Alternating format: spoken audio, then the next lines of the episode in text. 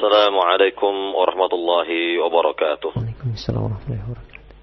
إن الحمد لله نحمده ونستعينه ونستغفره ونعوذ بالله من شرور أنفسنا ومن سيئات أعمالنا من يهده الله فلا مضل له ومن يضلل فلا هادي له. أشهد أن لا إله إلا الله وحده لا شريك له. وأشهد أن محمدا عبده ورسوله. يا أيها الذين آمنوا اتقوا الله حق تقاته ولا تموتن إلا وأنتم مسلمون. يا أيها الناس اتقوا ربكم الذي خلقكم من نفس واحدة وخلق منها زوجها وبث منهما رجالا كثيرا ونساء. واتقوا الله الذي تساءلون به والأرحام إن الله كان عليكم رقيبا. يا أيها الذين آمنوا اتقوا الله وقولوا قولا سديدا. يصلح لكم أعمالكم ويغفر لكم ذنوبكم. ومن يطع الله ورسوله فقد فاز فوزا عظيما. أما بعد فإن أصدق الحديث كتاب الله وخير الهدي هدي محمد صلى الله عليه وسلم وشر الأمور محدثاتها وكل محدثة بدعة وكل بدعة ضلالة وكل ضلالة في النار Para jamaah, para pendengar di Roja yang dimuliakan Allah Subhanahu wa taala. Alhamdulillah di pagi hari ini kita bisa kembali mendengarkan pembahasan dari kitab Al-Aqidah atau Awwan Law Kanu Ya'lamun.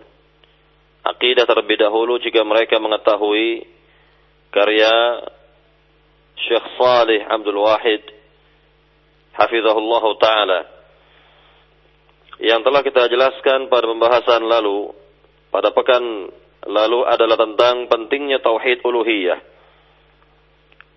Maka telah kita dengarkan atau kita bawakan keterangan dari Syekh Saleh ini tentang pentingnya tauhid uluhiyah atau tauhid ibadah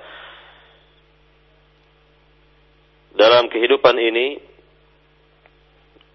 di antaranya secara cepat pada pagi hari ini akan saya sebutkan yaitu dengan sebab tauhid uluhiyah inilah atau tauhid ibadah inilah Allah Subhanahu wa taala menciptakan manusia. Allah Subhanahu wa taala mencipta jin dan manusia. Karena kedua makhluk ini sama-sama diberi taklif atau beban untuk melaksanakan kewajiban-kewajiban agama agar mereka beribadah hanya kepada Allah Subhanahu wa taala. Kemudian yang berikutnya lagi bahwa dengan sebab tauhid uluhiyah inilah Allah Subhanahu wa taala utus para nabi, para rasul guna menjelaskan kepada umat manusia tentang pentingnya tauhid uluhiyah, tauhid ibadah agar mereka beribadah hanya kepada Allah Subhanahu wa taala. Kemudian yang berikutnya lagi bahwa dengan sebab tauhid ibadah atau tauhid uluhiyah inilah Allah Subhanahu wa taala turunkan kitab-kitab suci. Kitab-kitab suci yang dimiliki oleh nabi atau rasul yang diutus oleh Allah Subhanahu wa taala agar menjadi penjelas bagi kehidupan manusia. Karena kitab-kitab seperti itu menjadi pedoman hidup manusia yang beriman. Kemudian yang berikutnya lagi tentang pentingnya tauhid ibadah atau, atau tauhid uluhiyah adalah bahwa orang-orang yang beriman bersikap bara atau berlepas diri terhadap orang-orang yang berbuat syirik kepada Allah Subhanahu wa taala.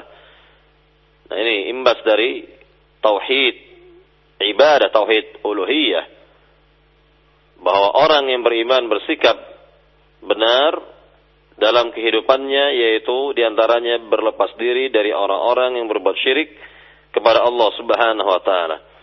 Ini sudah kita lihat dari contoh kehidupan Nabi yang mulia Nabi Ibrahim alaihissalam di mana beliau adalah orang yang bertauhid dan beliau beserta orang-orang beriman lainnya telah berlepas diri dari mereka-mereka yang berbuat syirik kepada Allah Subhanahu wa taala.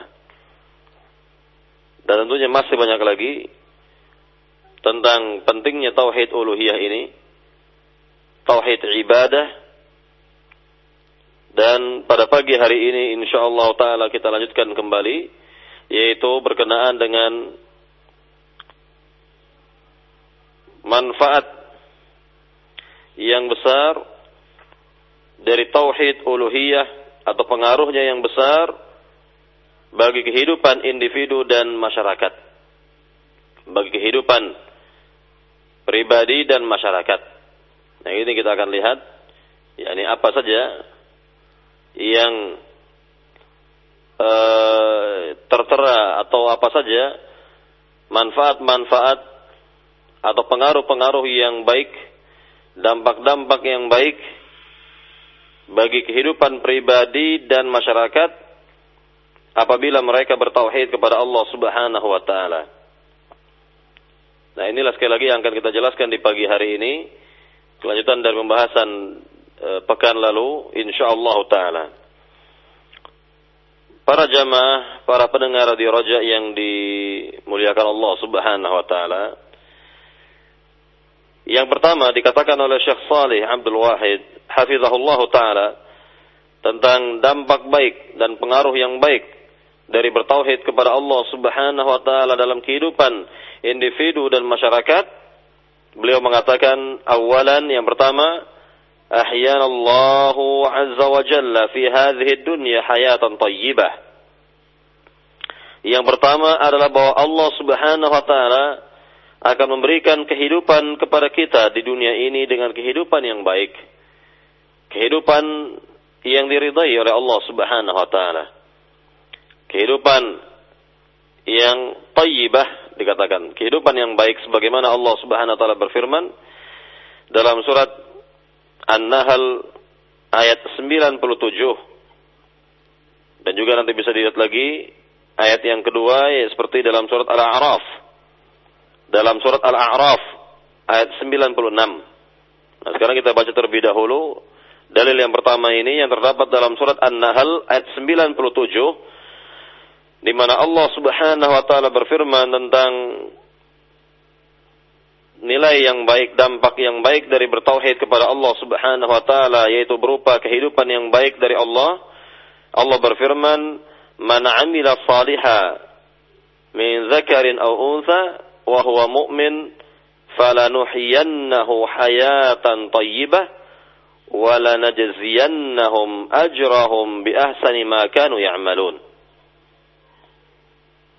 Ya artinya barang siapa beramal salih baik dari kalangan laki-laki maupun perempuan dan ia dalam keadaan beriman yakni bertauhid kepada Allah Subhanahu wa taala tentunya.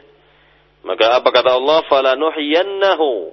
Maka kami akan berikan kepadanya kehidupan hayatan thayyibah, yaitu kehidupan yang baik kehidupan yang bahagia, kehidupan yang tayyib selama hidup di dunia ini.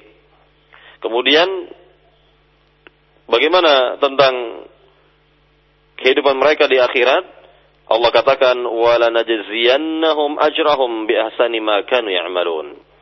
Dan sungguh kami akan ganjar akan berikan kepada mereka balasan dengan sebaik-baik balasan atas apa yang mereka kerjakan selama hidup di dunia. Nah, inilah keuntungan yang berlipat dari Rabbul Alamin. Keuntungan yang besar yang Allah berikan baik di dunia wal akhirah, baik di dunia maupun di akhirat. Di dunia akan mendapatkan hayatan tayyibah kata Allah, kehidupan yang baik, sedangkan di negeri akhirat akan diberi ganjaran dan pahala oleh Allah dengan sebaik-baik ganjaran atas apa yang telah dikerjakan selama hidup di dunia. Nah, ini merupakan keuntungan yang besar. Ini merupakan kebaikan yang besar, dampak baik, nilai yang baik dari bertauhid kepada Allah Subhanahu wa taala, menjauhi semua perbuatan syirik selama hidup di dunia di dunia mendapatkan kehidupan yang baik, yang bahagia, dan di akhirat akan mendapatkan pahala yang besar dari Allah Subhanahu wa taala. Ini dalam surat An-Nahl ayat 97. Nah, sekarang kita akan lihat ayat yang kedua yang terdapat dalam surat Al-A'raf ayat 96 di mana Allah Subhanahu wa taala tegaskan kepada penduduk suatu negeri apabila mereka beriman kepada Allah yakni bertauhid kepada Allah Subhanahu wa taala maka turunlah kepada mereka berbagai macam keberkahan sebagaimana Allah berfirman dalam surat Al-A'raf ayat 96 walau anna ahlal qura amanu wattaqau lafatahna alaihim barakatin minas samai wal ard walakin kazzabu fa akhadnahum bima kanu yaksibun dan seandainya penduduk satu negeri semuanya beriman dan bertakwa, yakni bertakwa kepada Allah Subhanahu wa taala, beriman dengan sebenar-benar keimanan kepada Allah Subhanahu wa taala. Maka kata Allah dan ini sebagai janjinya, la fatahna alaihim barakat. Sungguh akan kami bukakan bagi mereka keberkahan-keberkahan. Jadi tidak satu keberkahan saja. Allah katakan barakat. Ini keberkahan yang banyak sekali. Keberkahan yang banyak sekali. Yaitu dari mana asalnya keberkahan-keberkahan tersebut? Yang pertama minas sama yaitu dari langit. Allah akan berikan keberkahan-keberkahan dari langit berupa hujan, dan lain sebagainya yang Allah berikan dari langit, Allah turunkan dari langit. Ini merupakan kebaikan dampak baik nilai yang baik dari bertauhid kepada Allah Subhanahu wa taala akan diberikan oleh Allah keberkahan-keberkahan yang banyak dari langit. Kemudian sumber yang kedua wal ar kata Allah. Dan dari bumi itu sendiri. yakni subur, tanahnya dan lain sebagainya. Allah berikan kekayaan dalam tanah tersebut. Allah berikan kekayaan kepada kaum muslimin yang berasal dari al-ar, permukaan bumi. Dari negeri di mana penduduknya beriman kepada Allah, bertauhid kepada Allah dengan sebenar-benar tauhid. Nah, ini merupakan janji Rabbul Alamin. Dan jika Allah sudah berjanji seperti ini, maka tidak akan mungkin Allah mengkhianati janjinya. Allah Subhanahu wa taala tidak mungkin yakni lari dari janjinya ini. Pasti Allah berikan maka bis, maka bisa kita lihat dalam kehidupan yakni para salafus salih di mana Allah Subhanahu wa taala telah buktikan janji ini kepada mereka bahwa mereka adalah orang-orang yang benar-benar diberikan keberkahan hidup oleh Allah baik dari langit maupun dari bumi. Kehidupan para sahabat, kehidupan para sahabat Nabi, salafus salih, radhiyallahu taala anhum majma'in. Ini bisa kita lihat dari khalifah-khalifah yang memimpin kaum muslimin. Mulai dari khalifah yang mulia Abu Bakar Siddiq, Umar Al-Khattab, Uthman bin Affan, Ali bin Abi Talib. Maka mereka mendapatkan pada masa mereka mendapatkan apa yang diinginkan. Mereka mendapatkan keberkahan-keberkahan hidup dari Allah Subhanahu wa taala. Maka barang siapa yang benar-benar bertauhid dalam kehidupan ini, mengamalkan tauhid dalam kehidupan ini, berusaha berupaya untuk mewujudkan tauhid dalam kehidupannya, maka pasti akan diberikan kebaikan-kebaikan yang banyak, keberkahan-keberkahan yang melimpah oleh Allah Subhanahu wa taala. Dan ini janji Allah pasti akan terbukti. Apabila penduduk negeri ini misalnya, penduduk di negeri ini semuanya beriman kepada Allah. Semuanya bertauhid kepada Allah Subhanahu wa taala. Semuanya berada pada akidah yang benar, berada pada tauhid yang benar, maka pasti akan Allah limpahkan berbagai macam keberkahan yang banyak sekali bagi negeri ini, bagi penduduk negeri ini baik keberkahan itu datang dari langit maupun dari bumi. Para pendengar di rojak yang dimuliakan Allah Subhanahu wa taala. Kemudian kita lihat kebalikan dari uh, yakni dampak buruk dampak buruk dari mereka-mereka yang tidak bertauhid. Allah katakan sendiri dalam ayat yang sama, kelanjutan dari ayat yang mulia tadi, walakin kadzabu fa'akhadnahum bima kanu yaksibun. Namun mereka mendustai. Jadi mereka mendustai, mereka tidak beriman mereka tidak bertauhid kepada Allah Subhanahu wa taala, maka apa kata Allah? Fa akhadnahum bima kanu yaksibun. Maka kami hukum mereka atas apa yang telah mereka perbuat ya, selama hidup di dunia. Nah, ini keterangan dan ancaman sekaligus ancaman yang besar dari Rabbul Alamin terhadap siapa saja yang berbuat syirik kepadanya, tidak bertauhid kepadanya, maka pasti kehidupannya tidaklah baik. Kehidupannya tidak akan diberkahi oleh Allah Subhanahu wa taala. Maka ini sekali lagi tentang keutamaan yang besar dari bertauhid kepada Allah Subhanahu wa taala, dampak yang baik, nilai yang baik, yakni diberikan kehidupan yang baik, yang benar oleh Allah Subhanahu wa taala. E, kemudian diberikan yakni keberkahan-keberkahan yang banyak baik dari langit maupun dari bumi. Kemudian di negeri akhirat akan mendapatkan balasan atau pahala yang besar dari Allah Subhanahu wa taala. Dan kebalikan dari itu adalah Allah katakan tadi walakin kadzabu fa akhadnahum bima kanu yaksibun. Namun mereka menustainya, maka Allah yakni maka kami hukum mereka atas, atas apa yang mereka kerjakan selama hidup di dunia yakni mereka berbuat syirik kepada Allah Subhanahu wa taala maka lihatlah negeri-negeri yang penuh dengan kesyirikan di dalamnya maka tidak akan diberikan keberkahan tidak akan barokah negeri tersebut tidak akan diberikan keberkahan oleh Allah Subhanahu wa taala ya dan tentunya kehidupan yang tidak diberkahi adalah kehidupan yang rugi Kehidupan yang tidak mendapatkan barakah dari Rabbul Alamin adalah kehidupan yang amat rugi. Para pendengar di roja yang dimuliakan Allah Subhanahu wa taala. Kita lihat sekarang yang kedua tentang dampak baik dari bertauhid kepada Allah Subhanahu wa taala, yakni baik untuk individu maupun masyarakat. Yang kedua, Syekh Salih Abdul Wahid mengatakan sanian, yang kedua kata beliau, Nasranallahu ala adaina wa qala ta'ala wa kana haqqan alaina nasrul mu'minin. Yang kedua kata beliau hafizahullah bahwa kita akan ditolong oleh Allah Subhanahu wa taala dari musuh-musuh. Allah Subhanahu wa taala akan senantiasa menolong hamba-hambanya yang beriman, hamba-hambanya yang bertauhid kepadanya.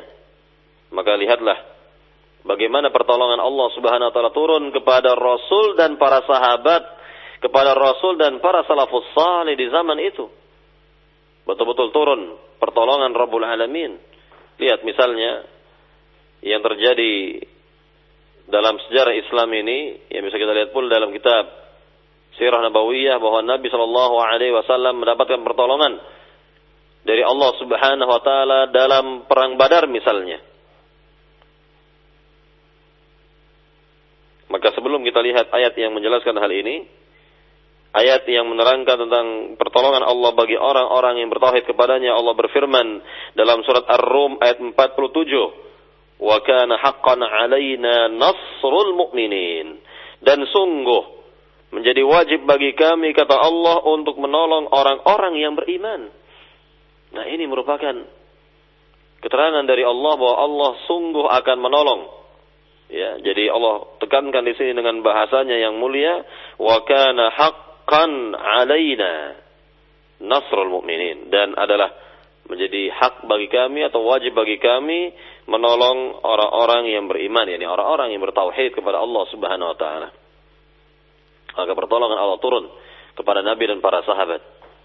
Di mana mereka adalah orang-orang yang beriman adalah orang-orang yang baik tauhidnya, benar tauhidnya, apalagi Rasulullah SAW yang jelas-jelas sempurna keimanannya dan tauhidnya kepada Rabbul Alamin. Maka bagi maka eh, sebelum terjadi perang Badar, Rasulullah Wasallam berdoa kepada Allah Subhanahu Wa Taala agar diberikan pertolongan. Maka bisa kita lihat keterangan tentang permintaan permohonan Nabi sallallahu alaihi wasallam dalam surat yang mulia dalam surat Al-Anfal ayat yang ke-9 di mana Nabi Shallallahu Alaihi Wasallam berdoa kepada Allah sebelum terjadi perang Badar, Allah berfirman, "Iz tastaghithuna rabbakum fastajaba lakum anni mumiddukum bi alfin minal malaikati murdifin." Yang artinya ingatlah wahai Muhammad ketika engkau beristighatsah kepada Rabbmu maka Allah kabulkan permintaanmu yaitu bahwa aku akan mengirimkan kepadamu seribu pasukan malaikat yang datang secara berbondong-bondong. Nah ini tentang uh, keterangan Rabbul Alamin, keterangan Allah Subhanahu Wa Taala sebelum terjadinya perang Badar yang dialami oleh Rasul dan sahabat-sahabat yang ikut bersamanya. Perang pertama kali dalam sejarah Islam perang pertama kali dalam sejarah umat Islam di mana dari si jumlah dan kekuatan kaum muslimin tidaklah sebanding dengan jumlah dan kekuatan pasukan kafir Quraisy yang jelas-jelas mengungguli kekuatan dan jumlah pasukan kaum muslimin ketika itu. Dan dalam hal ini yakni Allah Subhanahu wa taala nampakkan Allah Subhanahu wa taala perlihatkan bantuannya pertolongannya kepada orang-orang yang beriman ketika itu karena mereka jelas-jelas telah memenuhi haknya Allah Subhanahu wa taala. Maka sungguh menjadi wajib bagi Allah untuk menolong orang-orang yang beriman. Maka Allah katakan lagi sekali lagi dalam surat Ar-Rum ayat 47 wa kana haqqan 'alaina nasrul mu'minin dan adalah menjadi hak bagi kami yakni wajib bagi kami untuk menolong orang-orang yang beriman Berkenaan dengan pertolongan Allah pada perang Badar, bisa kita lihat dalilnya dalam surat Ali Imran ayat 123. Allah Subhanahu wa taala berfirman, "Walaqad nara walaqad nasarakumullahu bi Badri wa antum adhillah fattaqullaha la'allakum tashkurun." Dan sungguh kami telah menolong kalian dan sungguh Allah telah menolong kalian pada perang Badar yang sebelumnya kalian adalah hina, yakni sedikit jumlahnya tidak diperhitungkan oleh musuh. Ya. Kemudian Allah katakan fattakullaha bertakwalah kalian semua kepada Allah la'allakum tashkurun agar kalian menjadi hamba-hamba yang bersyukur kepada Allah Subhanahu wa taala. Tergolong dari mereka-mereka yang dapat bersyukur kepada Allah Subhanahu wa taala karena Allah telah memberikan pertolongan kepada mereka dengan pertolongan yang nyata. Nah, inilah yang kita lihat dari keterangan Rabbul Alamin dalam ayat yang mulia ini tentang pertolongannya yang senantiasa Allah berikan kepada siapa saja yang bertauhid kepada Allah selama hidup di dunia. Pasti akan ditolong oleh Allah Subhanahu wa taala. Lihat sebagai contoh misalnya eh, Nabi yang mulia Nabi Ibrahim alaihissalam. Ketika ketika akan di lemparkan ke dalam kobaran api atau ketika berada di dalam kobaran api maka Allah Allah Subhanahu wa taala tolong nabinya yang mulia ini. Allah katakan kepada api, "Ya narukuni bardan wa salaman ala Ibrahim." Wahai api, jadilah engkau sejuk dan membawa keselamatan bagi Ibrahim. Jadi api tidak membakar jasad atau tubuhnya Nabi yang mulia ini, Nabi Ibrahim alaihissalam. Allah berikan pertolongan kepada Nabi Ibrahim alaihissalam. Atau misalnya lagi Allah Subhanahu wa taala berikan pertolongan kepada nabi yang mulia Nabi Musa alaihissalam dan para pengikutnya dari kejaran darah Firaun hingga mereka selamat keluar dari negeri Mesir, selamat dari kejaran darah Firaun. Nah, inilah bentuk pertolongan Allah Subhanahu wa taala kepada siapa saja yang bertauhid kepadanya dengan sebenar-benar tauhid, maka pasti akan ditolong dalam kehidupannya di dunia dan kelak di negeri akhirat. Maka Allah Subhanahu wa taala lebih tegaskan lagi tentang pertolongannya ini kepada orang-orang yang beriman ketika itu yakni kepada Rasul dan para sahabat dalam surat At-Taubah ayat 25 Allah Subhanahu wa taala berfirman dalam surat At-Taubah sekali lagi ayat 25, "Laqad nasarakumullahu fi mawatin katsira." Sungguh Allah telah menolong kalian dalam berbagai pertempuran yang banyak. Jadi Allah Subhanahu wa taala telah menolong kaum muslimin dahulu dalam berbagai medan pertempuran dan apa yang mereka hadapi ya dan ini banyak sekali pertolongan Allah Subhanahu wa taala kepada mereka. Maka sekali lagi bahwa syarat bahwa pertolongan itu akan datang dari Allah jika si hamba ini beriman bertauhid kepada Allah dengan sebenar-benar tauhid, tidak berbuat syirik selama hidup di dunia. Maka Allah Subhanahu wa taala lebih menegaskannya lebih menegaskan lagi hal ini dalam surat Muhammad. Bisa kita lihat bisa dilihat oleh para pendengar dalam surat Muhammad ayat 7 tentang pertolongan Allah Subhanahu wa taala, "Ya ayyuhalladzina amanu in tansurullaha yansurkum wa yutsabbit aqdamakum." Wahai orang-orang yang beriman, apabila kalian menolong agama Allah, maka Allah akan tolong kalian. Allah akan menolong kalian. Yansurkum. Wa yutsabbit aqdamakum dan akan menetapkan yakni kalian di muka bumi ini. Menjadi pemimpin, menjadi orang-orang yang menguasai kehidupan ini. Dan ini adalah janji Rabbul Alamin, janji Allah Subhanahu wa taala. Yang tentunya bisa kita lihat wujudnya dalam kehidupan para salafus salih di mana mereka adalah orang-orang yang telah ditolong oleh Allah Subhanahu wa taala dalam kehidupan di dunia ini. Nah, ini semua ayat-ayat ini semua menjelaskan tentang yakni benarnya pertolongan Allah adanya pertolongan Allah Subhanahu wa taala dan jangan diragukan lagi. Tidak boleh seorang muslim meragukan apa yang telah difirmankan oleh Allah Subhanahu wa taala ini. Maka hendaklah ini menjadi bagian dari akidah kita sebagai muslim bahwa pasti pertolongan Allah itu datang jika kita benar langkahnya, benar jalannya, e, bertauhid kepada Allah Subhanahu wa taala. Ya, sekali lagi ditegaskan dalam surat Muhammad tadi ayat 7 tentang hal ini ya ayyuhalladzina amanu in tansurullaha yansurkum wa yutsabbit aqdamakum. Para jamaah, para pendengar di Roja yang dimulakan Allah Subhanahu wa taala, ini adalah dampak baik sekali lagi yang kedua, pengaruh yang baik yang kedua yaitu sekali lagi datangnya pertolongan Allah Subhanahu wa taala ya untuk menghadapi musuh-musuh. Kemudian yang ketiga, kita lihat di sini keterangan dari Syekh Salih Abdul Wahid hafizahullah, salisan kata beliau, yang ketiga adalah Makkanana Allah fil ardi wa ja'ala siyadah lil mu'minin. Dikatakan yang ketiga bahwa Allah Subhanahu wa taala akan memberikan tamkin yaitu penetapan dan kekuasaan kepada orang-orang yang beriman di permukaan bumi ini sebagaimana Allah Subhanahu wa taala menjanjikan hal ini dalam surat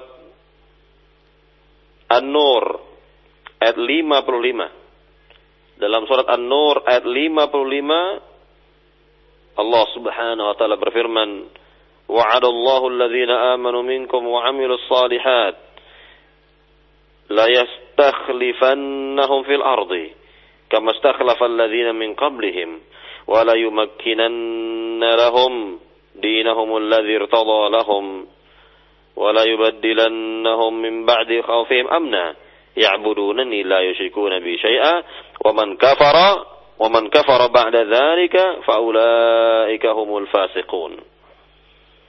Dalam surat An-Nur ayat 55 Allah Subhanahu wa taala berfirman yang artinya dan Allah telah menjanjikan kepada orang-orang yang beriman di antara kalian yang mengamalkan amalan-amalan saleh yaitu akan diberikan kekuasaan di muka bumi ini sebagaimana kekuasaan yang Allah berikan kepada orang-orang sebelum ya sebelumnya dan Allah akan mantapkan bagi mereka agama mereka yang telah diridhoinya ini dan Allah akan ganti ketakutan mereka menjadi rasa aman karena mereka semua beribadah kepada diriku, tidak mempersekutukan diriku dengan suatu, maka barang siapa ingkar atau kufur setelah itu, maka mereka adalah orang-orang yang fasik.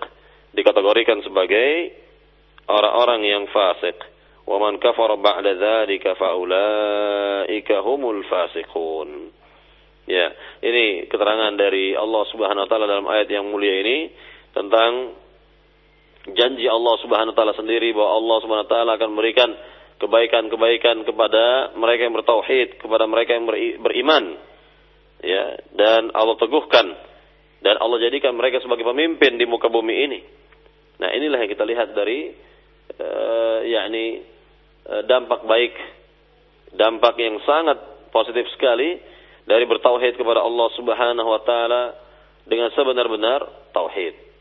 Dan ini pun harus di uh, yakni dasari dengan kehati-hatian dalam berdakwah ini dan tidak dalam keadaan tergesa-gesa dalam dakwah ini. Jadi terus kita melihat kepada dakwahnya Nabi Muhammad dan para sahabat, dakwahnya para nabi para rasul di mana mereka bersikap hati-hati dan perlahan-perlahan di dalam berdakwah kepada agama Allah Subhanahu wa taala tidak menginginkan yakni perubahan yang drastis atau begitu cepat dan yang jelas adalah mereka berada pada jalan Allah Subhanahu wa taala, berada pada petunjuk Rabbul Alamin, berada pada jalan yang yang lurus, jalan yang benar.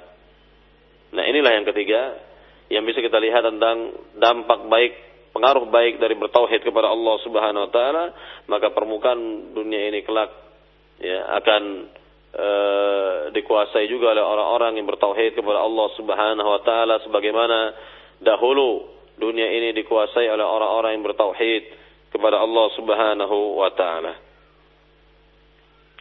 Para jamaah, para pendengar di Roja yang dimulakan Allah Subhanahu wa taala. Sekarang kita akan melihat yang keempat dari dampak baik yang keempat beliau mengatakan atau Syekh Salih Abdul Wahid mengatakan hafizahullah rabi'an yang keempat kata beliau azzanallahu fid dunya wal akhirah. Yaitu Allah akan muliakan kita baik dalam kehidupan dunia maupun akhirat. Allah Subhanahu wa taala akan muliakan kita dalam kehidupan dunia dan akhirat. Maka dikatakan di sini oleh beliau fallahu azza wa jalla ja'ala al-izzata lil mu'minina faqat فقال تعالى ولله العزة ولرسوله وللمؤمنين ولكن المنافقين لا يعلمون ini bisa dilihat oleh para pendengar dalam surat Al-Munafiqun ayat ke-8 dalam surat Al-Munafiqun ayat yang ke-8 Allah Subhanahu wa taala janjikan izzah janjikan kemuliaan itu ada pada orang-orang yang beriman ada pada orang-orang yang bertauhid kepada Allah Subhanahu wa taala Allah muliakan jadi sekali lagi Allah muliakan. Maka kemuliaan para salafus salih misalnya yang mereka dapat dari Rabbul Alamin ini diungkapkan oleh salah seorang di antara mereka ya, di antara mereka mengatakan a'azzanallahu bil Islam fa idza taghayna al-'izzata fi ghairihi azzallana Allah. Ya artinya bahwa kami telah menjadi mulia karena sebab Islam yang murni ini. Kami dimuliakan oleh Allah Subhanahu wa taala.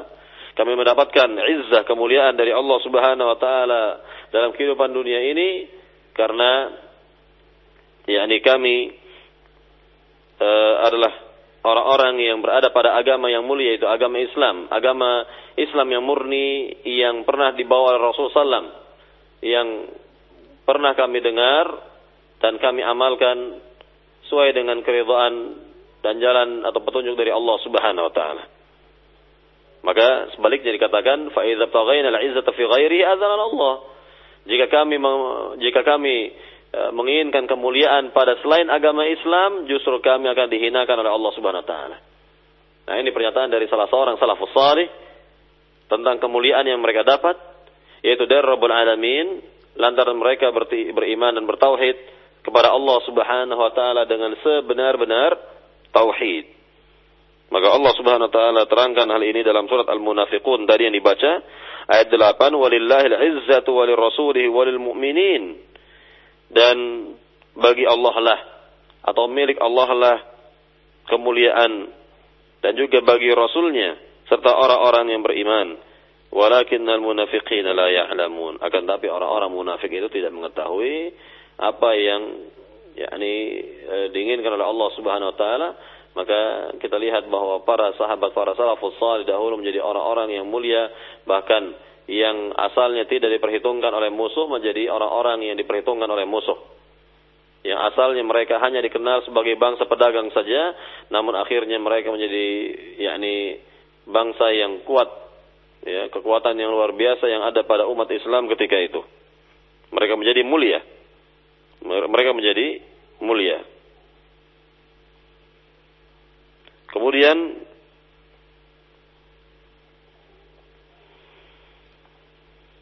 dalam hal ini Allah Subhanahu wa taala tentunya tidak akan memberikan kemuliaan kepada selain mereka. Allah Subhanahu wa taala mencabut kemuliaan dari orang-orang musyrik, dari orang-orang yang berbuat syirik kepadanya. Karena pada dasarnya tidak ada kemuliaan bagi siapa saja yang menyembah kepada selain Allah Subhanahu wa taala atau beribadah kepada selain Allah Subhanahu wa taala. Dan e, bisa kita lihat dalil tentang penolakan hal ini, penolakan izzah ya yakni terhadap orang-orang yang e, bermunafik di zaman itu.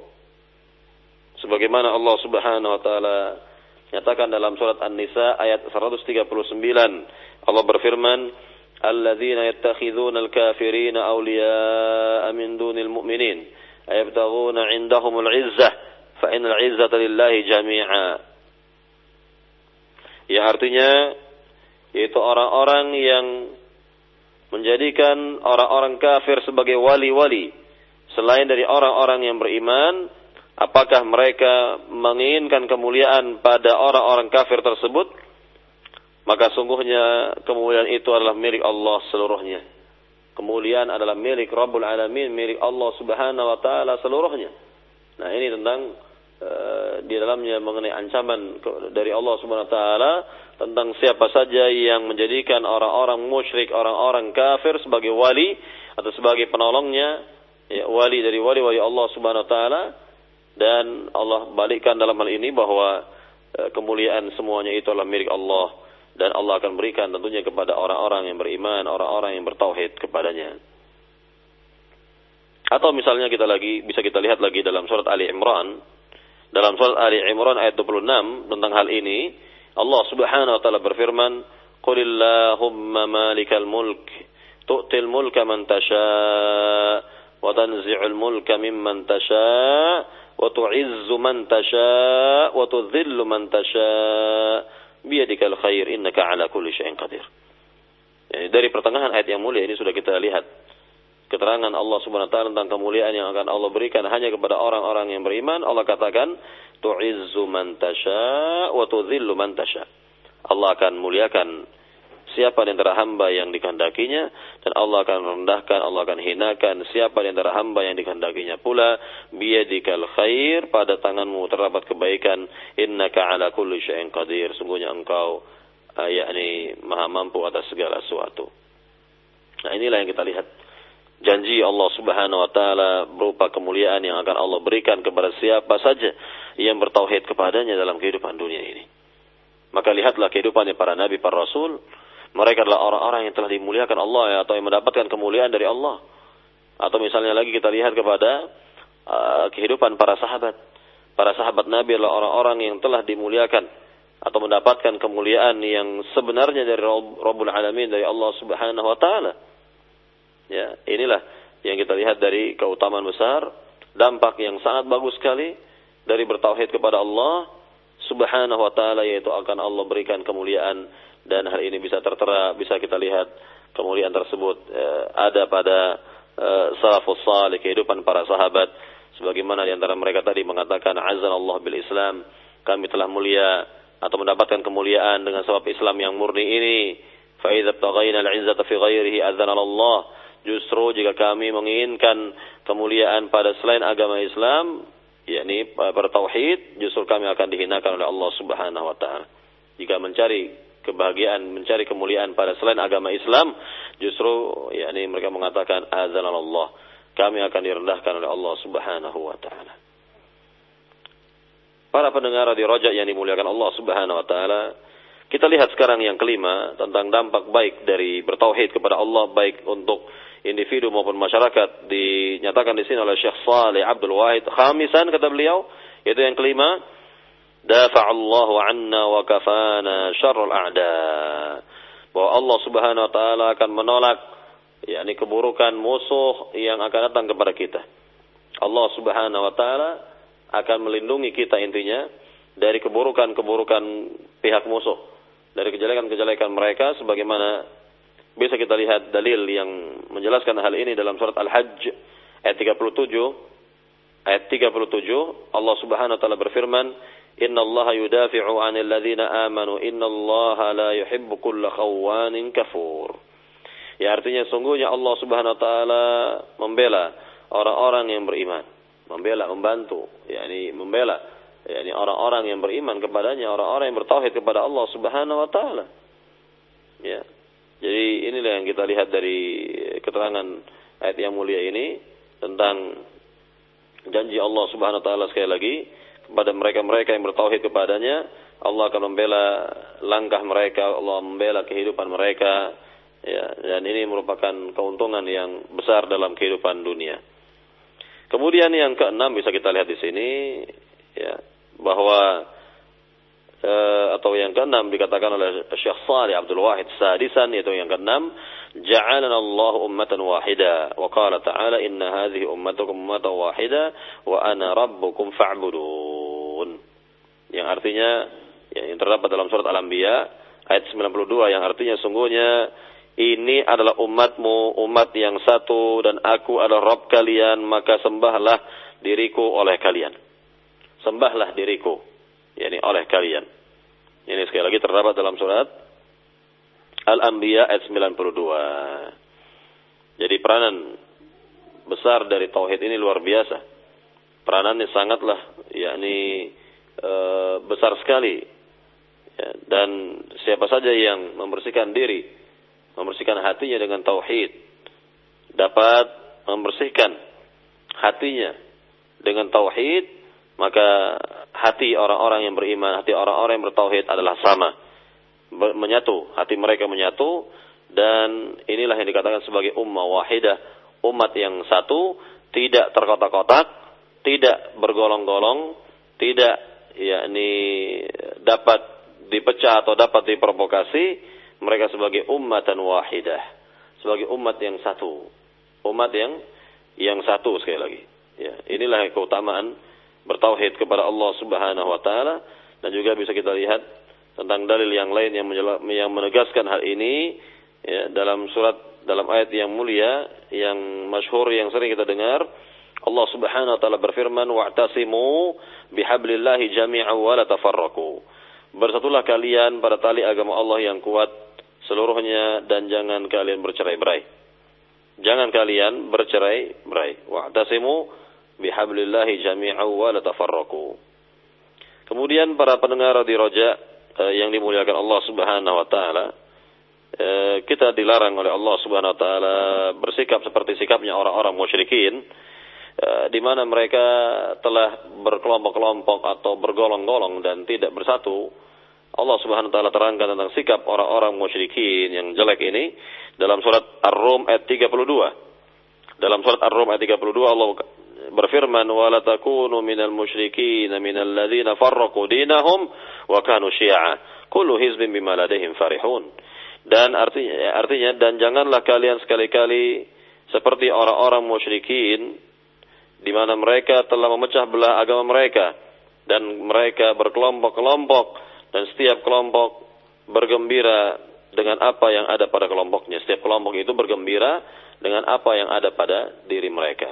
Nah, ini yang kita lihat di sini bahwa apa yang kita uh, ketahui, apa yang kita ketahui di negeri kita ini bahwa memang umat Islam uh, hidupnya bergolong-golong, berkotak terkotak-kotak dan ini akibat uh, mereka kurang bertauhid, kurang menanamkan tauhid pada diri mereka sehingga timbullah hal-hal seperti ini dan hal-hal seperti ini tidaklah mustahil karena sudah dicontohkan oleh orang-orang musyrikin di mana hati mereka uh, tidaklah bersatu, hati mereka senantiasa terpecah belah karena kesyirikan yang mereka lakukan, mereka tidak memberikan hak kepada Allah Subhanahu wa taala, maka inilah dampak buruk dari ya, inilah dampak buruk dari uh, hati yang demikian.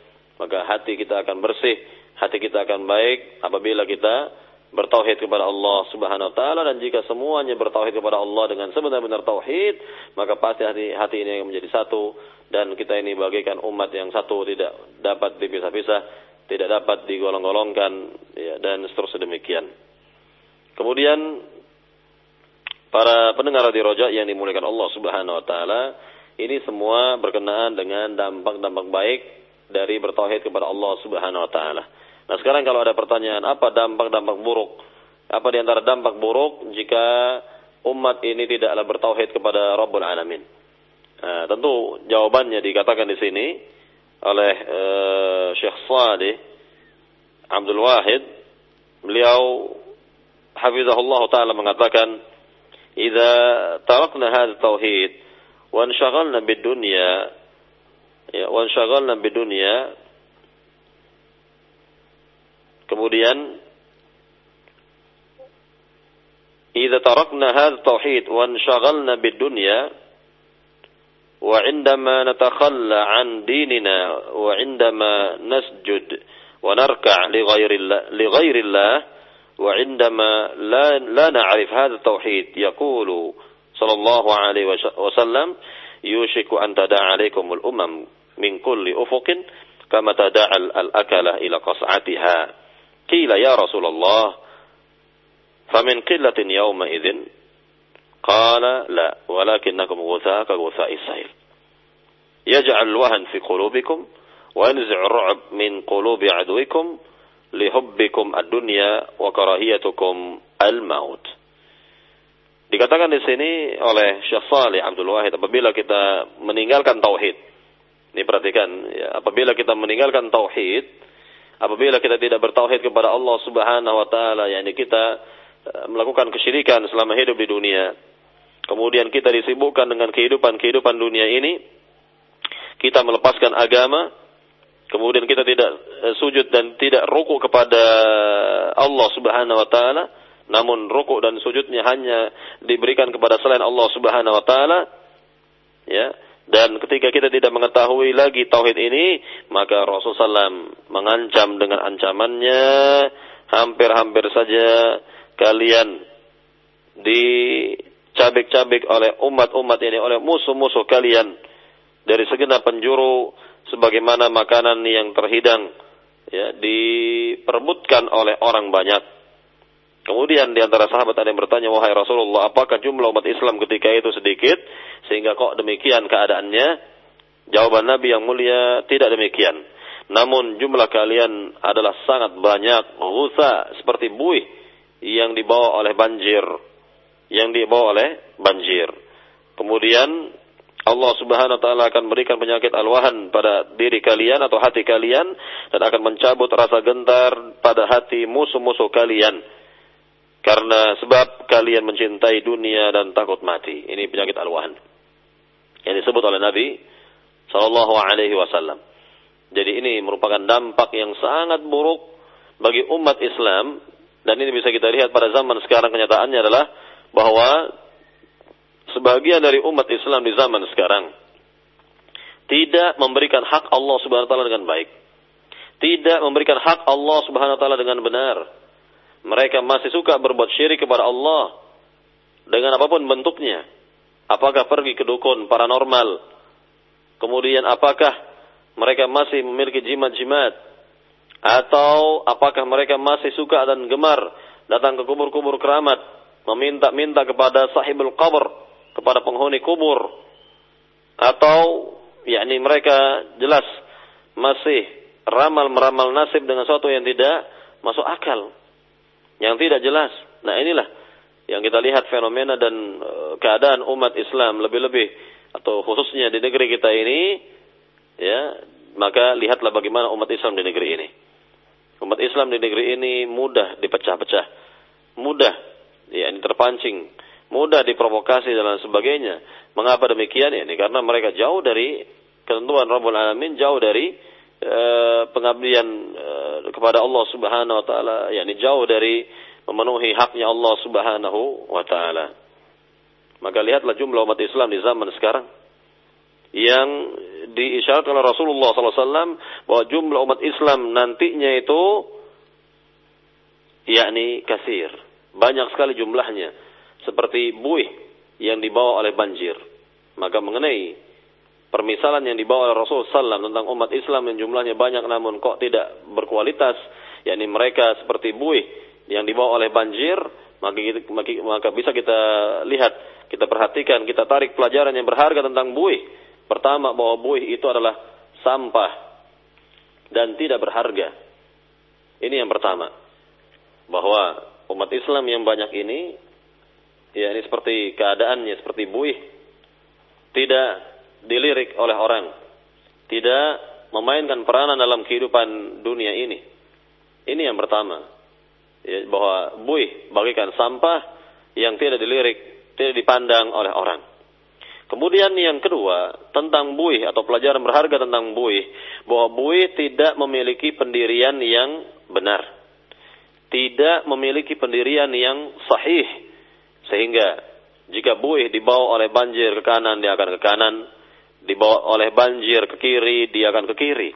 Inilah sikap umat Islam yang ada di zaman kita sekarang ini, tidak memiliki pendirian yang kuat, yang teguh, ya, karena mereka demikian keadaannya, diombang-ambing oleh uh, musuh-musuh mereka, dipermainkan oleh musuh-musuh mereka.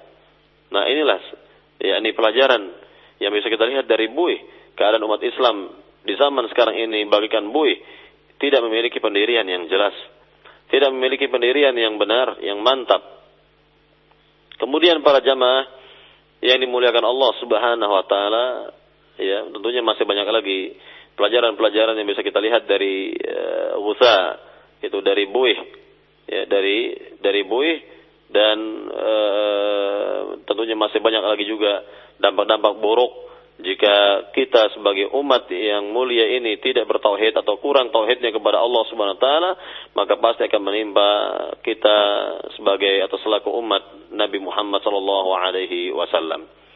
Para pendengar di Rojak yang dimuliakan Allah Subhanahu wa taala, inilah pembahasan kita di pagi hari ini berkenaan dengan dampak-dampak baik dari bertauhid kepada Allah Subhanahu wa taala yakni bagi individu dan masyarakat serta dampak buruk jika tidak bertauhid kepada Allah Subhanahu wa taala. Maka mudah-mudahan apa yang dibahas di pagi hari ini dengan pembahasan yang singkat bermanfaat dan uh, kita kembalikan kepada pembawa acara di studio. Silakan. Syukuran jazakallah khair barakallahu fiik para Ustaz dan demikian ikhwatul iman rahimakumullah pendengar radio Roja di mana pun Anda berada sesi materi yang disampaikan oleh Ustaz Arman Amri Alsi Hafizullah Ta'ala dari pembahasan al-aqidatu awalan laukanu ya'lamun akidah terlebih dahulu jika mereka mengetahui dan telah dibahas mengenai pentingnya ilmu tauhid. Mudah-mudahan uh, apa yang kita simak bersama bermanfaat bagi kita semua. Dan selanjutnya akan kami buka sesi tanya jawab bagi Anda yang ingin bertanya langsung silahkan Anda bisa menghubungi kami di line telepon di 021 823 6543 atau di pesan singkat di 081 989 6543 dan untuk kesempatan pertama akan kita beri di line telepon ya di 021 823 6543 ya halo halo assalamualaikum Waalaikumsalam warahmatullahi wabarakatuh Baik, wabarakatuh. Dengan siapa di mana Ibu? Dengan Umu Zaki di Bekasi. Ya, silakan. Ini Ana mau menanyakan e, bagaimana memahami hakikat tauhid. Sementara e, pemahaman setiap orang itu kan e, dan juga keilmuan setiap orang itu berbeda-beda. E, artinya apakah hanya bisa dipahami atau dimiliki oleh orang-orang yang berilmu dan berpendidikan? Lalu bagaimana dengan orang-orang yang awam yang tidak memiliki ilmu yang uh, kuat? Pertanyaannya apakah kemampuan pemahaman tentang tauhid ini uh, berbeda-beda tingkatannya Ustaz? Baik itu saja. satu lagi Ustaz? Ya silakan. Uh, ada uh, yang mengatakan uh, bahwa ketika, ketika kita sudah uh, masuk uh, kepada manhaj salaf uh, kita itu harus berubah total gitu dalam arti harus samina wa atokna uh, karena kalau tidak kita dikatakan uh, tidak samina wa atokna lalu bagaimanakah kaitannya dengan ayat uh, la yukallifullahu nafsan illa usaha apakah pemahaman tersebut uh, betul Ustaz juz atau juz Baik. Ya kalau mau khair. Iya. Assalamualaikum. Waalaikumsalam warahmatullahi wabarakatuh. Ya, Silakan Ustaz. Iya, tentang yang pertama bahwa eh, pemahaman tauhid eh, bisa diberikan kepada semua golongan manusia sebagaimana Rasulullah sendiri, Nabi Muhammad sendiri menjelaskan tauhid kepada seluruh lapisan masyarakat, seluruh golongan manusia, baik dari golongan para tokoh, orang-orang terkemuka, sampai kepada para budak. Mereka semua faham, mereka semua mengerti tentang tauhid, hakikat tauhid dan bahaya syirik. Ya, semua faham. Maka kita lihat bagaimana keutamaan uh, yakni mereka-mereka yang menurut pandangan manusia adalah hina seperti para budak, kehidupan para budak. Misal kita lihat Bilal bin Rabah. Ya, Bilal bin Rabah adalah budak ya, yang akhirnya dibeli oleh Abu Bakar Siddiq, dimerdekakan oleh Abu Bakar Siddiq, kemudian menjadi orang yang sangat mulia dalam pandangan Rabbul Alamin, dalam pandangan agama ini. Maka pemahamannya tentang tauhid luar biasa. Pemahamannya tentang tauhid ini uh, tidak diragukan lagi. Sungguh sangatlah baik pemahaman beliau tentang tauhid karena Rasulullah SAW sendiri yang menempa beliau atau Rasul sendiri yang mendidik dan mengajarkan tauhid kepada kaum muslimin secara umum dan kepada Bilal bin Rabah juga. Nah, dalam hal ini tentunya um, uh, apabila kita mengikuti jejak Nabi Shallallahu alaihi wasallam maka akan uh, mengerti semua tentang hakikat tauhid dan tidak ada yang samar bagi mereka tentang hakikat tauhid dan bahaya syirik ya dan tentunya uh, memang dari tingkat dari sisi tingkat keilmuan dari sisi tingkat keilmuan boleh saja boleh saja berbeda-beda ya, boleh saja berbeda-beda dalam hal ini. Namun dari sisi uh, pemahaman secara umum ya pemahaman secara umum bahwa uh, apa namanya untuk mengetahui atau mengerti tentang hakikat tauhid maka insya Allah apabila diberikan pemahaman yang benar, penjelasan yang benar tentang hakikat tauhid dan bahaya syirik, maka semua akan faham dan semua akan uh, yakni menjalankan apa yang diinginkan, ya, menjalankan apa yang di, diinginkan sekali lagi. Jadi uh, kita tinggal melihat kepada contoh yang ada di zaman Rasul dan para sahabat bahwa semua umat Islam ketika itu memang faham atau mengerti tentang tauhid walaupun walaupun e, di antara sahabat yang baru saja masuk agama Islam ya belum begitu mendalam pemahamannya sehingga wajar jika ada di antara mereka yang ketika itu berkata kepada Nabi Shallallahu Alaihi Wasallam, wahai Rasulullah, buatkanlah bagi kami ya zatu anwat atau pohon yang memiliki keberkahan sebagaimana kaum sebagaimana orang-orang jahiliyah itu atau sebagaimana orang-orang musyrik itu. Nah ini e, pernyataan e, sahabat Nabi yang baru saja masuk agama Islam maka Nabi terkejut.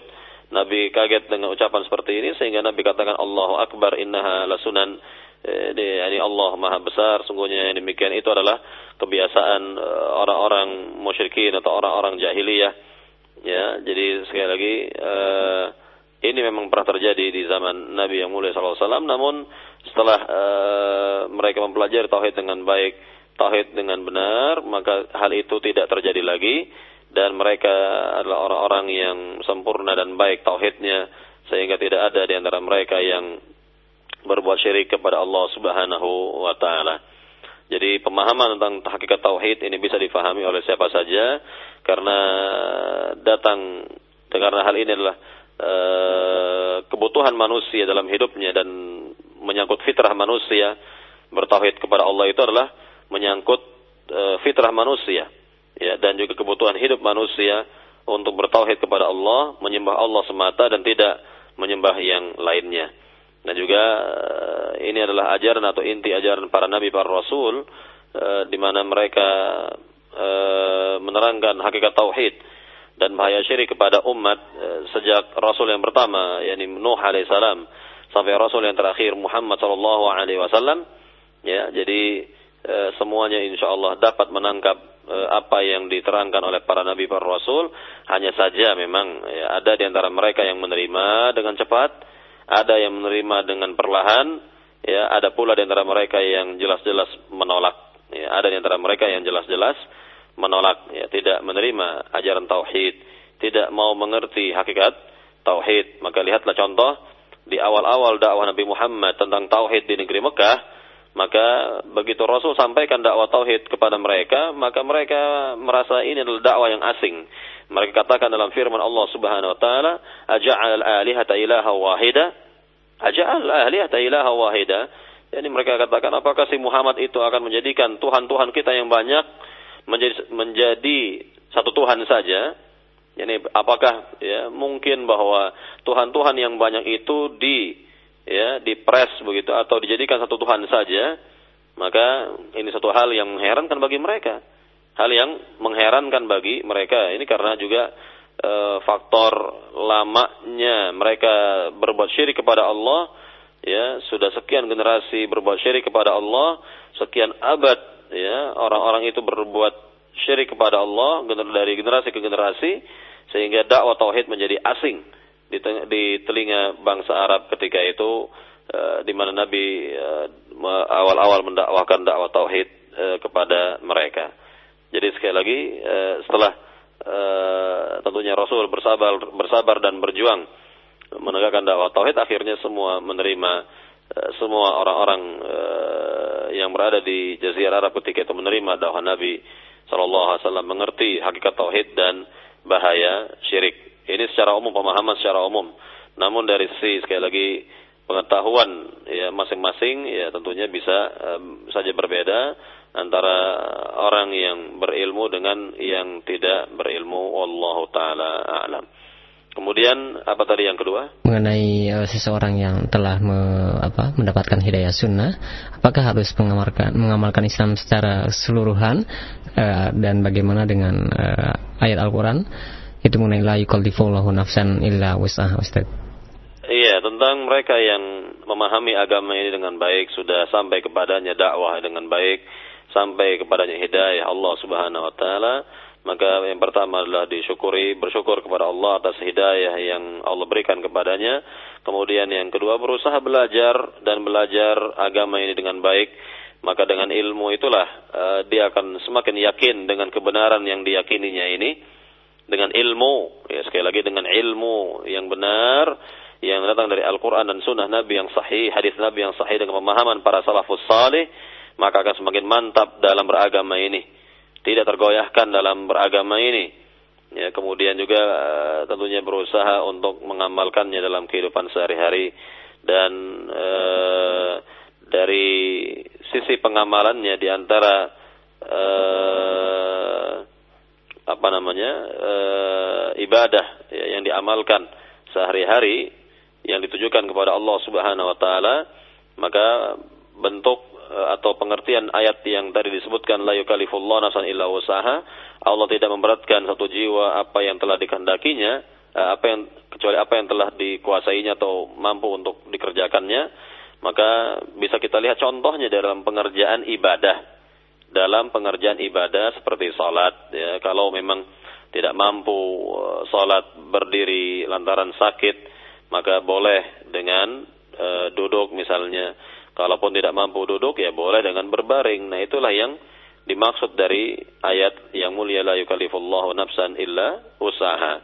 Jadi kalau dasar-dasar bertauhid itu jelas harus ada dan tidak boleh dipalingkan maknanya ya.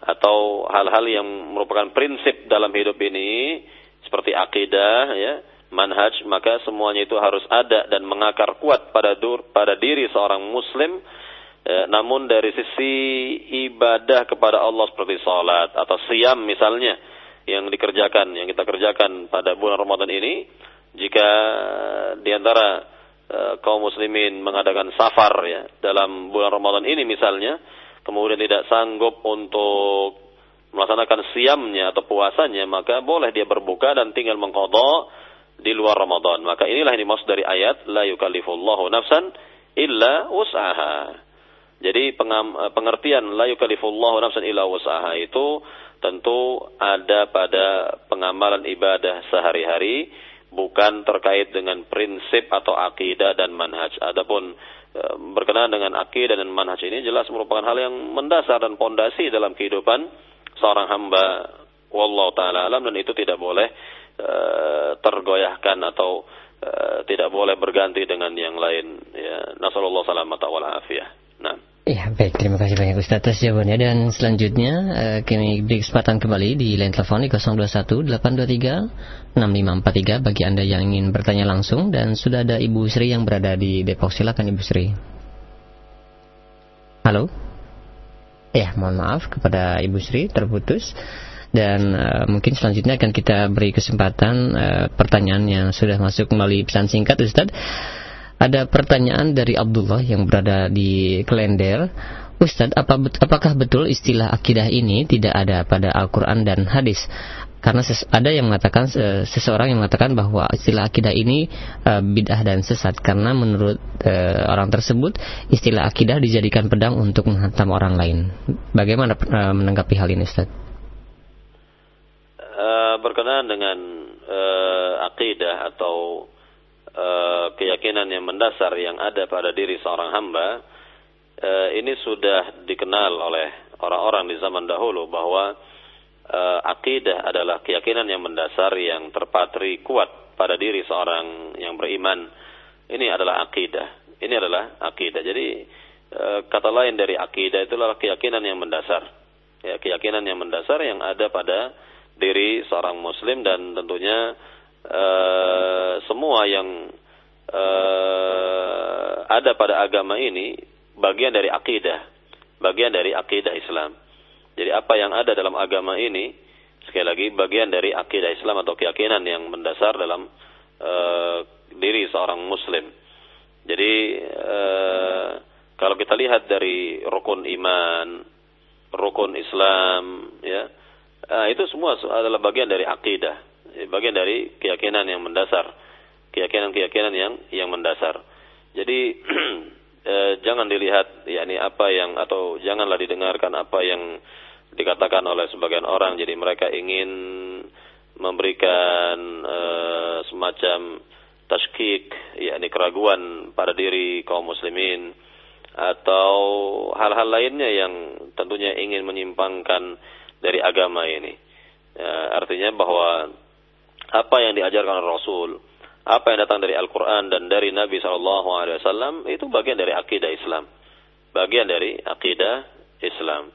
Jadi eh, ajaran agama ini ya ada akidahnya, ada yakni berupa keyakinannya, ada berupa amaliyahnya, yaitu amalan-amalan dalam kehidupan sehari-hari seperti salat eh, ataupun yang lainnya jadi semuanya itu e, terpad, e, terpadu pada diri seorang muslim, maka jadilah dia sebagai e, orang yang beragama, ya orang yang memiliki e, yakni agama yang benar dan sekali lagi e, semuanya itu tidak dapat dipisah-pisahkan yakni antara akidah dengan amalan-amalan e, sehari-hari ya, semuanya itu harus ada pada diri seorang muslim yakni memiliki akidah yang benar kemudian e, memiliki juga amalan-amalan yang sahih yang dikerjakan setiap hari datang dari Rasul atau mencontoh Rasul Shallallahu Alaihi Wasallam dan tentunya e, apa yang sekali lagi datang dari Al-Quran dan Nabi e, datang dari Allah dan Nabi Muhammad Shallallahu Alaihi Wasallam yakni Eh, kita yakini dan keyakinan itulah yang disebut dengan akidah. Wallahu taala alam. Ya, baik terima kasih banyak Ustaz atas jawabannya dan selanjutnya masih di pesan singkat. Ini ada pertanyaan uh, Ustadz di musola kami ya, sebutan untuk tempat sholat di negeri kita Ustadz ya uh, yang sering berjamaah sholatnya menghadap ke kuburan tapi kuburan tersebut di luar lingkungan musola dan dibatasi dengan tembok yang tingginya uh, setinggi perut orang dewasa. Uh, bagaimana hukum sholat di tempat tersebut Ustadz? Apakah uh, sah atau tidak?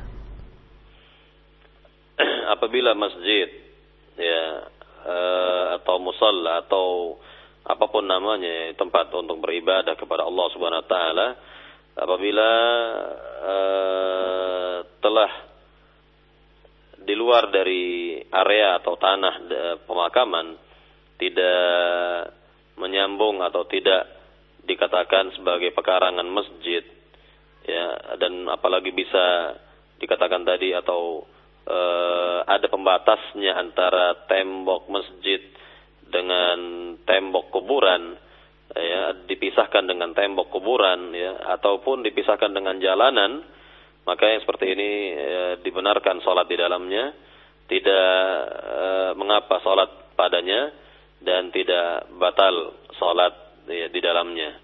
Namun yang menjadi permasalahan adalah kalau kuburan-kuburan itu memang berada di tanah atau pekarangan atau lahan masjid. Ya, tanah masjid, halaman atau pekarangan masjid, samping kanan, samping kiri, depan belakang, nah, semuanya itu masih dalam kategori lahan masjid, pekarangan masjid, ya, halaman masjid, maka ini yang tidak dibenarkan. Ya, ini yang tidak di, dibenarkan.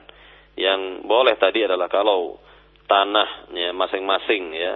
E, berdiri sendiri artinya masjid memiliki tanah tersendiri kuburan juga memiliki tanahnya tersendiri dan sudah terpisah tidak di dalam pekarangan atau halaman masjid ya. Dan itu pun sudah e, yakni dibatasi dengan tembok dikelilingi dengan tembok bahkan jelas tembok tersebut terpisah dari tembok masjid ataupun telah dibatasi dengan jalanan misalnya maka ini sudah terpisah dan e, boleh sholat di dalamnya wallahu taala alam. Baik, saya kira perjumpaan kita pada pagi hari ini sampai di sini. Mudah-mudahan dari pembahasan yang singkat ini dapat diambil manfaatnya bagi saya pribadi dan bagi para jamaah. Mudah-mudahan bermanfaat. Lebih kurangnya saya mohon maaf. Wallahu taala alam wa Muhammad walhamdulillah rabbil alamin. Subhanakallahumma bihamdika asyhadu an la ilaha illa anta astaghfiruka wa atubu ilaik. Assalamualaikum warahmatullahi wabarakatuh.